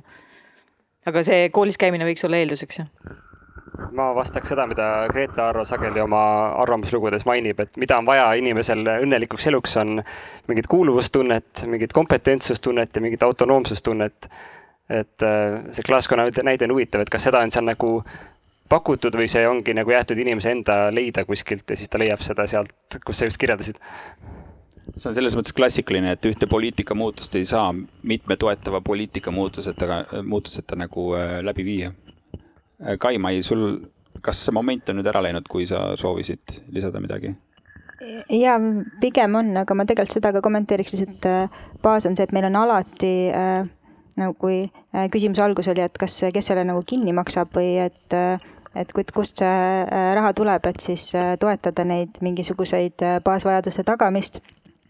et meil on alati soodsam tegeleda nende ennetavate probleemidega, et kui näiteks on kodutus, siis selle probleemi elimineerimine on igale omavalitsusele, riigile väga palju soodsam, kui siis tegelemine sellega, mis siis nagu kodutus kaasa toob.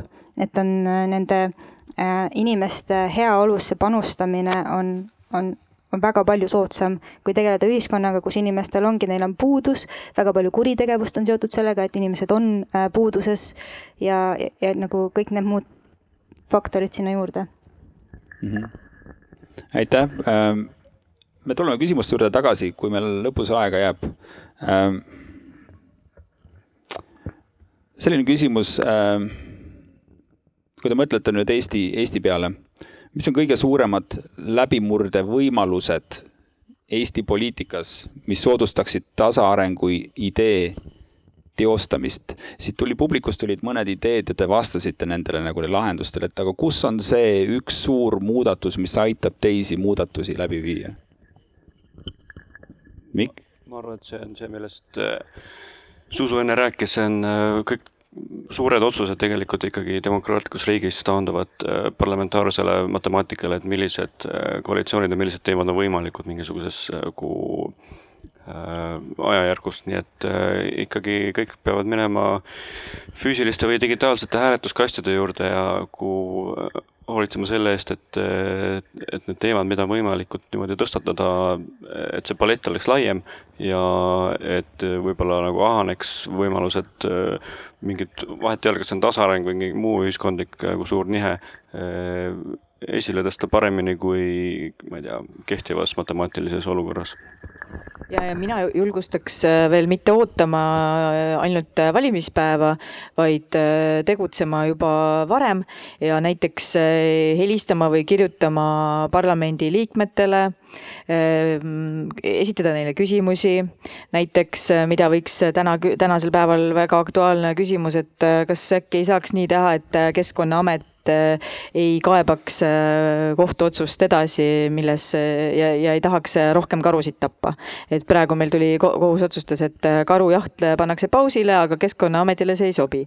et noh, et see on ebaloogiline, mis praegu toimub, et ja selliseid, selliseid teemasid nagu tõstatada ja tänaste parlamendisaadikutega arutada sel teemal ja, ja ma arvan, et sellest oleks ka abi, kui iga eestlane vähemalt, ma ei tea, kuus korra kirjutaks mõnele sellisele parlamendile liikmele. et meil äh, nii-öelda ma saan aru, et Zuzu ja Mikk on üpriski ühisel arvamusel, meil demokraatia toimib, palun kasutame seda.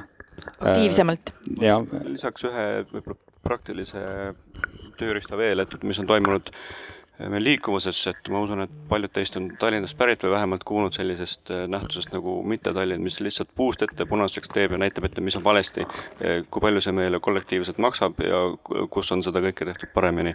Äh, sellist metodoloogilist tööd, millest on sisuliselt nagu juba liikumine välja kasvanud, on võimalik rakendada ka tasaarengu hüvanguks, majanduskasvu hüvanguks, loomulikult on seda võimalik rakendada ka demokraatia nii-öelda õõnestamise hüvanguks, aga see valik on meie kui aktiivsete kodanike kätes, et eh, keda me kuulame, kelle ideid me jagame ja, ja tõepoolest, et päeva lõpuks, kellele me siis helistame, et halloo, et päriselt niimoodi või?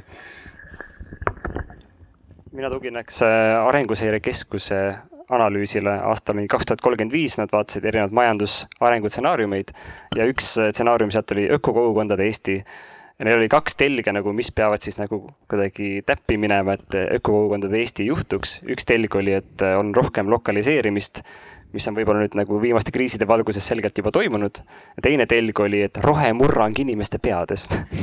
Mis, mis on võib-olla toimumas, kui ma vaatan areng, Arvamusfestivali kava, siis siin oli väga palju keskkonnaarutelusid, millest osad olid juba täitsa nagu õiges suunas ka tasaarengu mõttes. Et siis võib-olla, mida iga inimene saab teha peale selle hääletamise, kui on kellegi poolt hääletada, kes on äh, ka tasaarengu lainel, on äh, ise seda teemat ikkagi nügida ja tõstatada igal pool, et, et üks väga hea lause, mida öeldakse, on see, et don't personalize it, socialize it, et et ära tee seda isiklikuks, et mina nüüd hakkan tasa arenema, vaid sa ütledki, et meie siin kogukonnas või meie siin maakonnas peaks sellel teemal tõsiselt mõtlema. ja siis meil on võib-olla lootust. aitäh, võtame küsimuse publikust. oli järjekorras, palun. Ja aitäh, väga hea arutelu äh,. oih, astusin millegipärast selle kliimasoojendusega kätte äh,. siin äh, arutelu käigus siin, et kuidas ja kuhu see asi läheb, siis äh, Madis tõi välja, et noh, mõni kogukond kuskil on ju niimoodi irdub ja ütleb, et me oleme nüüd ise. ja siis keegi tõi näited, et Amishid, et äh, kuskil Mehhikos läksid nad ju mingisugune punt on metsa läinud ja kakssada aastat hiljem leitud, et elavad veel, toimetavad. ja, ja tuli meelde üks raamat, mis rääkis sellest, kuidas inimühiskond on arenenud, sellest, kuidas olid väiksed kogukonnad, kes mõtlesid enda jaoks välja mingisugused lood, mida me nimetame siis kultuuriks või usuks või, või millekski muuks, midagi, mis neid seob. nüüd meil on üks suur uus lugu on uh,, uus lugu on see, see kapitalismi lugu, et, et me teame, et kuskil on seal teised inimesed, kes teevad odavamalt tööd ja särke õmblevad ja siis kuskil on mingi ressurss, on ju, seal Alaska, Alaskal on seda naftat ja seda saab. ja siis me saame teha oma asju ja siis meil see kapitalismus edeneb. aga see huvitav tendents on see, et need lood teevad nii-öelda, lõimivad seda ühiskonda kogu aeg suuremateks äh, nagu tervikuteks. ehk siis alguses olid väiksed grupid, need hakkasid mõnema suuremateks, siis meil on siin mingisugune Eesti Vabariik, me nimetame ennast eestlasteks kuskil on veel mingisugused asjad, mis on riigid, aga nüüd me oleme juba Euroopa Liit, on Aafrika Liit või Aafrika Ühendus, mis iganes. ehk siis kas küsimuseni jõudes on küsimus selles, et, et kas meil on uut lugu vaja, mis seoks selle kõik inimesed üheks suureks. ehk siis mille jaoks neid riike üldse, sest kui me ühe, ühed lähevad kuskile metsa ja teised lähevad, kogukond tõmbab eemale. Neil ei ole seda riiki vaja, et aga samas me räägime, arutame siin, et, et noh, suhelge parlamendiliikmetega ja, ja mis me siin Eestis teha saame et kas see riigi kontseptsioon nagu selles mõttes toimib üldse sihukeses tasaarengus või see on midagi, millest peaks lahti laskma? äkki need, need baasteenused, need, need peavad seal kogukondlikult kuidagi teistmoodi hakkama tekkima, et, et kuidas nagu selle, sellist asja arutada? aitäh. hea küsimus, hea küsimus. minu vastus oleks, et äh, võib-olla rohkem tähtsust äh, hakkavad omama siuksed bioregioonid, et mis on sinu vahetus läheduses, terve see raadius. Et kui sul on kuskil nagu sihuke kunstlik piir vahele tõmmatud, et nad siit edasi on teine riik, kus me millega, midagi ei tee et siis see nagu olude sunnil lihtsalt või noh, mõistlikum on nendega suhelda, sest see on sulle lähedal. Äh, ja üks tore asi, mida Tallinna Tehnikaülikoolis äh, populariseeritakse, on kosmolokalism. et siis, äh, et sa oled nagu mõnes mõttes kosmopolitan, et ideed võivad liikuda ülemaailmselt, see on niisugune kerge asi läbi interneti, on ju. aga rasked asjad peaks olema kohalikult toodetud, et et neid sa ei peaks tassima Hiinast kohale, vaid neid sa teed koha peal. ja kui sa teed neid koha peal, sa näed ka nende jalajälge ja siis sa võib-olla teed neid vähem, sest et sa näed nüüd, et see, need inimesed, kes seda teevad, on sealsamas sinu inimesed ja see on sinu ressurss. Äh, siis sa oled sellega säästlikum.